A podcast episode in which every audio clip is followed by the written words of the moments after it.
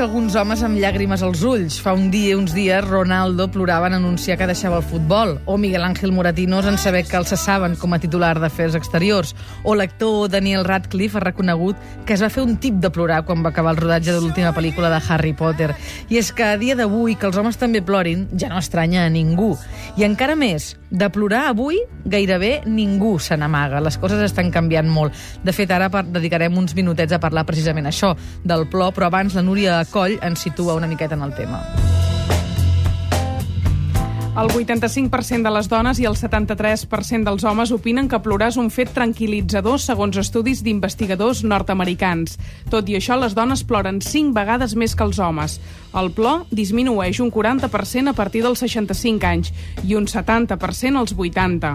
Tant els homes com les dones prefereixen plorar sols que no pas en companyia. De fet, el 80% de les llàgrimes es fan a casa. Avui ens acompanya a l'estudi la Begoña Elizalde, que és psicòloga especialista en dol i en pèrdues. Bon dia i benvinguda al suplement. Bon dia, Tatiana. Tinc preguntes molt clares d'entrada, eh? Una és, plorem més les dones que els homes? Plorem més les dones que els homes. Per què? Eh, culturalment, aquí a Catalunya i a Espanya, està millor vist des de temps immemorials. I ara els homes estan començant a plorar, però en principi abans es veia malament. Uh -huh. Un home havia de ser fort. I ser feble, no sé per què, s'equival a, eh, a, plor a plorar. Uh -huh. Llavors, pues, ploraven més les dones perquè estava més eh, vist i més ben vist que siguessin febles. De fet, fins i tot hi havia la figura de les ploraneres en els enterraments les, eh, plur, les ploraneres o les planyideres que ploren les penes alienes uh. -huh. són molt útils, fins i tot existeixen ara en algunes cultures, uh. -huh. perquè ajuden a arrencar el plor i fer aquesta catarsis tan necessària del dolor. Clar, perquè si l'home no plora perquè s'aguanta i no fa aquesta catarsi, què? Malament. Una societat que no plora és una societat malalta. Eh? El plorar és l'expressió d'una emoció d'una emoció de tristesa o d'una emoció d'alegria, però d'una emoció. I si no és com una olla a pressió, es queda dins, es queda dins, es queda dins, i pot fer el que sigui, una malaltia, un, el que sigui. És veritat que eh, crec que moltes de les persones que ens estiguin escoltant diran sí, però és que jo tot sovint tinc ganes de plorar, fins i tot se'm fa un nus a la gola o tinc un nus a l'estómac i no em surten les llàgrimes. Què m'està passant aleshores? Bueno, això passa també, que costa plorar. Jo recomano un mm, catalitzador del plor, encara que sigui una ceba. Ah, una cosa que desperti el llagrimal. Sí, que sí? desperti el llagrimal. Llavors, que es plori per motius fisiològics i al cap d'una estona, per plorar de motius fisiològics, un ja descobreix per què està plorant. I Llavors, el camí ja es fa més sentiment. planer, no? Sí. Mm, mira, sí. això és un bon truc, jo eh? Jo no, no, no ho necessito. Ets de les que plora molt? Sí, a vegades fins i tot no en sabem els motius, o sempre n'hi ha algun de motius, si Jo rasques. crec que sempre n'hi ha eh, podem començar a plorar sense saber els motius i al cap d'una estona pensar, doncs pues mira, pues tinc això, això, això. Però a vegades, i ho dic una mica en el que deia ara la Núria, molt sovint diuen això és que tens algun moviment hormonal per dins que no es acaba d'estar lloc i estàs com més tubet, però no tens un motiu concret per plorar. Tot i així ens hem de deixar anar? Sí, sí, sí, sí. Ens hem de deixar anar. Això, bueno, no vol dir que a qualsevol lloc, a qualsevol moment, però sí, sí, sí, ens hem de deixar anar. A mi em sembla molt curiós que el primer que faci un nen quan neix sigui plorar, evidentment pels cops i perquè li funcioni tot el tema respiratori, però em sembla molt curiós si ho ajuntem amb una de les dades que ha donat la Núria, i és que a mesura que ens anem fent grans, plorem menys. Mm -hmm. I això per què? Bueno, jo crec que és per la cultura. Jo crec que és per la cultura. Tenim més eh, necessitat o més pressió cultural pel control. I jo crec que aquí ens equivoquem. És més, moltes vegades et diuen no ploris, dona, o quan no sabem veure plural de davant. Abraces bueno. i intentes tranquil·litzar, dius, va, que et passi, que et passi ràpid perquè l'altre ho està passant malament, en comptes de dir plora i buida tota l'estona que ho necessitis. No, és que s'ha de, tenir, de tenir treballat el propi dolor, perquè si no no es pot suportar el dolor de l'altre. Per això plorar, encara que sigui en públic, que és molt poques vegades, voldria dir dues coses. Una, que és en públic, però és de certes maneres. En públic, cridant i fent un número, com va fer l'altre dia la mà mare de la nena aquella de Cádiz que van matar està mal vist i jo ho trobo fantàstic el que va fer. Va ser una catarsis del seu dolor i està mal vist. Va ser, bueno, que es tranquil·litzi, que algú li doni una pastilla. Mm. Això és una de les coses que volia dir. L'altra és que quan un plora en públic no plora acompanyat, curiosament. Plora sol.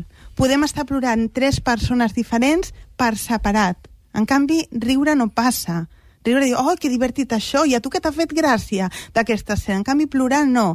Jo puc estar plorant, tu també, i tothom aquí plorant, però per separat, sols. Bueno, és que al cinema jo no miro ni el del costat i, i és conegut. Però és cert que en una situació familiar, per exemple, quan es plora en, comuni quan es plora en comunitat, o sigui que tothom sap que està plorant per la mateixa cosa i s'han acabat els filtres de les vergonyes, aquell plor uneix. Uneix gairebé més que un atac de riure, per entendre'ns uneix moltíssim perquè compartir sentiments i compartir emocions i poder recolzar-se en l'altre, això uneix sempre. El que passa és que no ho fem. Uh -huh. Ho fem molt poc.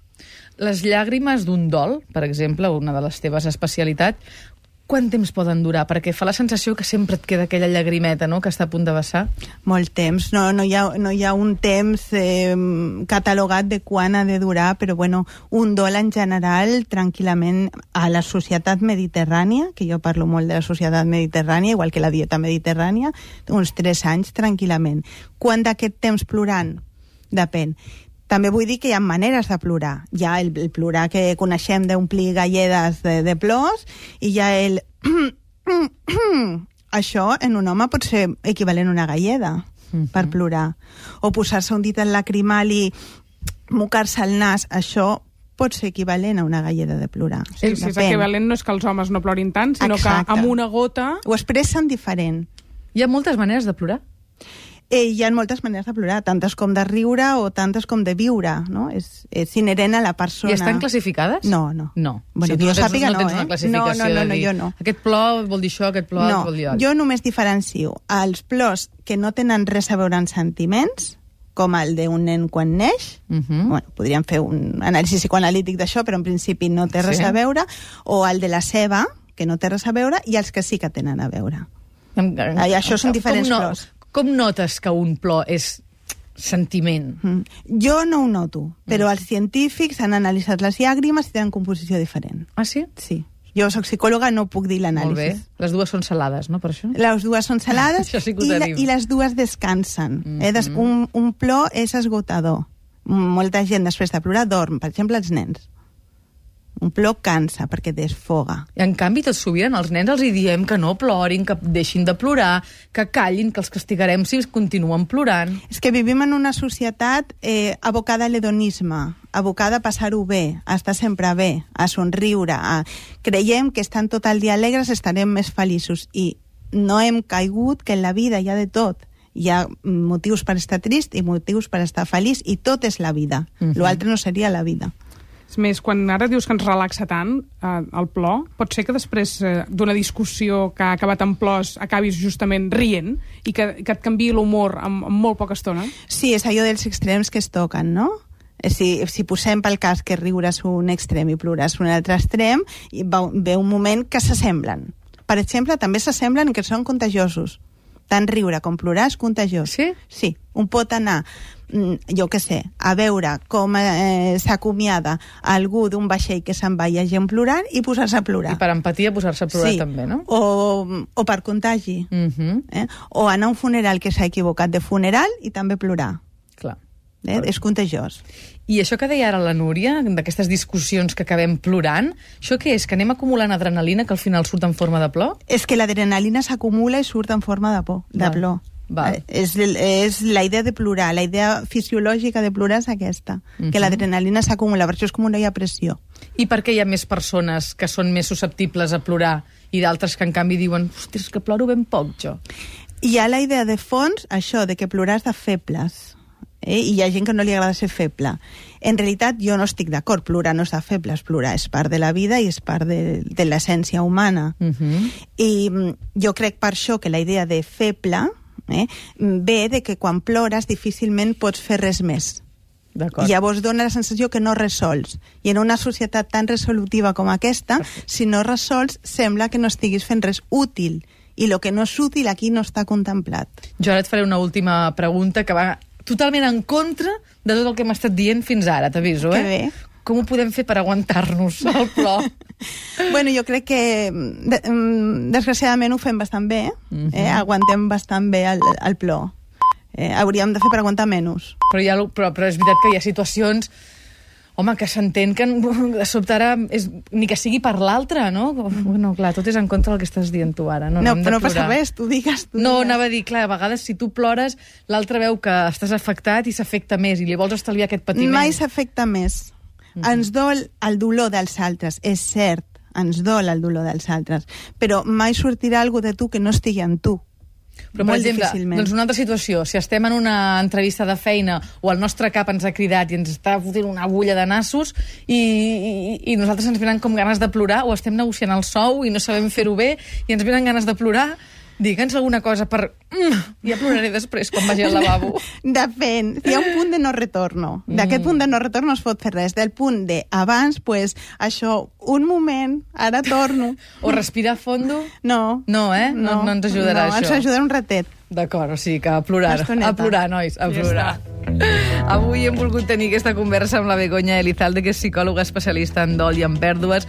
Moltíssimes gràcies per les teves explicacions. Molt bon dia i animem a tothom a que quan tingui ganes de plorar, que plori. I els altres que ho permetin. I els altres que ho permetin, exacte. Gràcies i bon dia. Que vagi molt bé. Adéu-siau.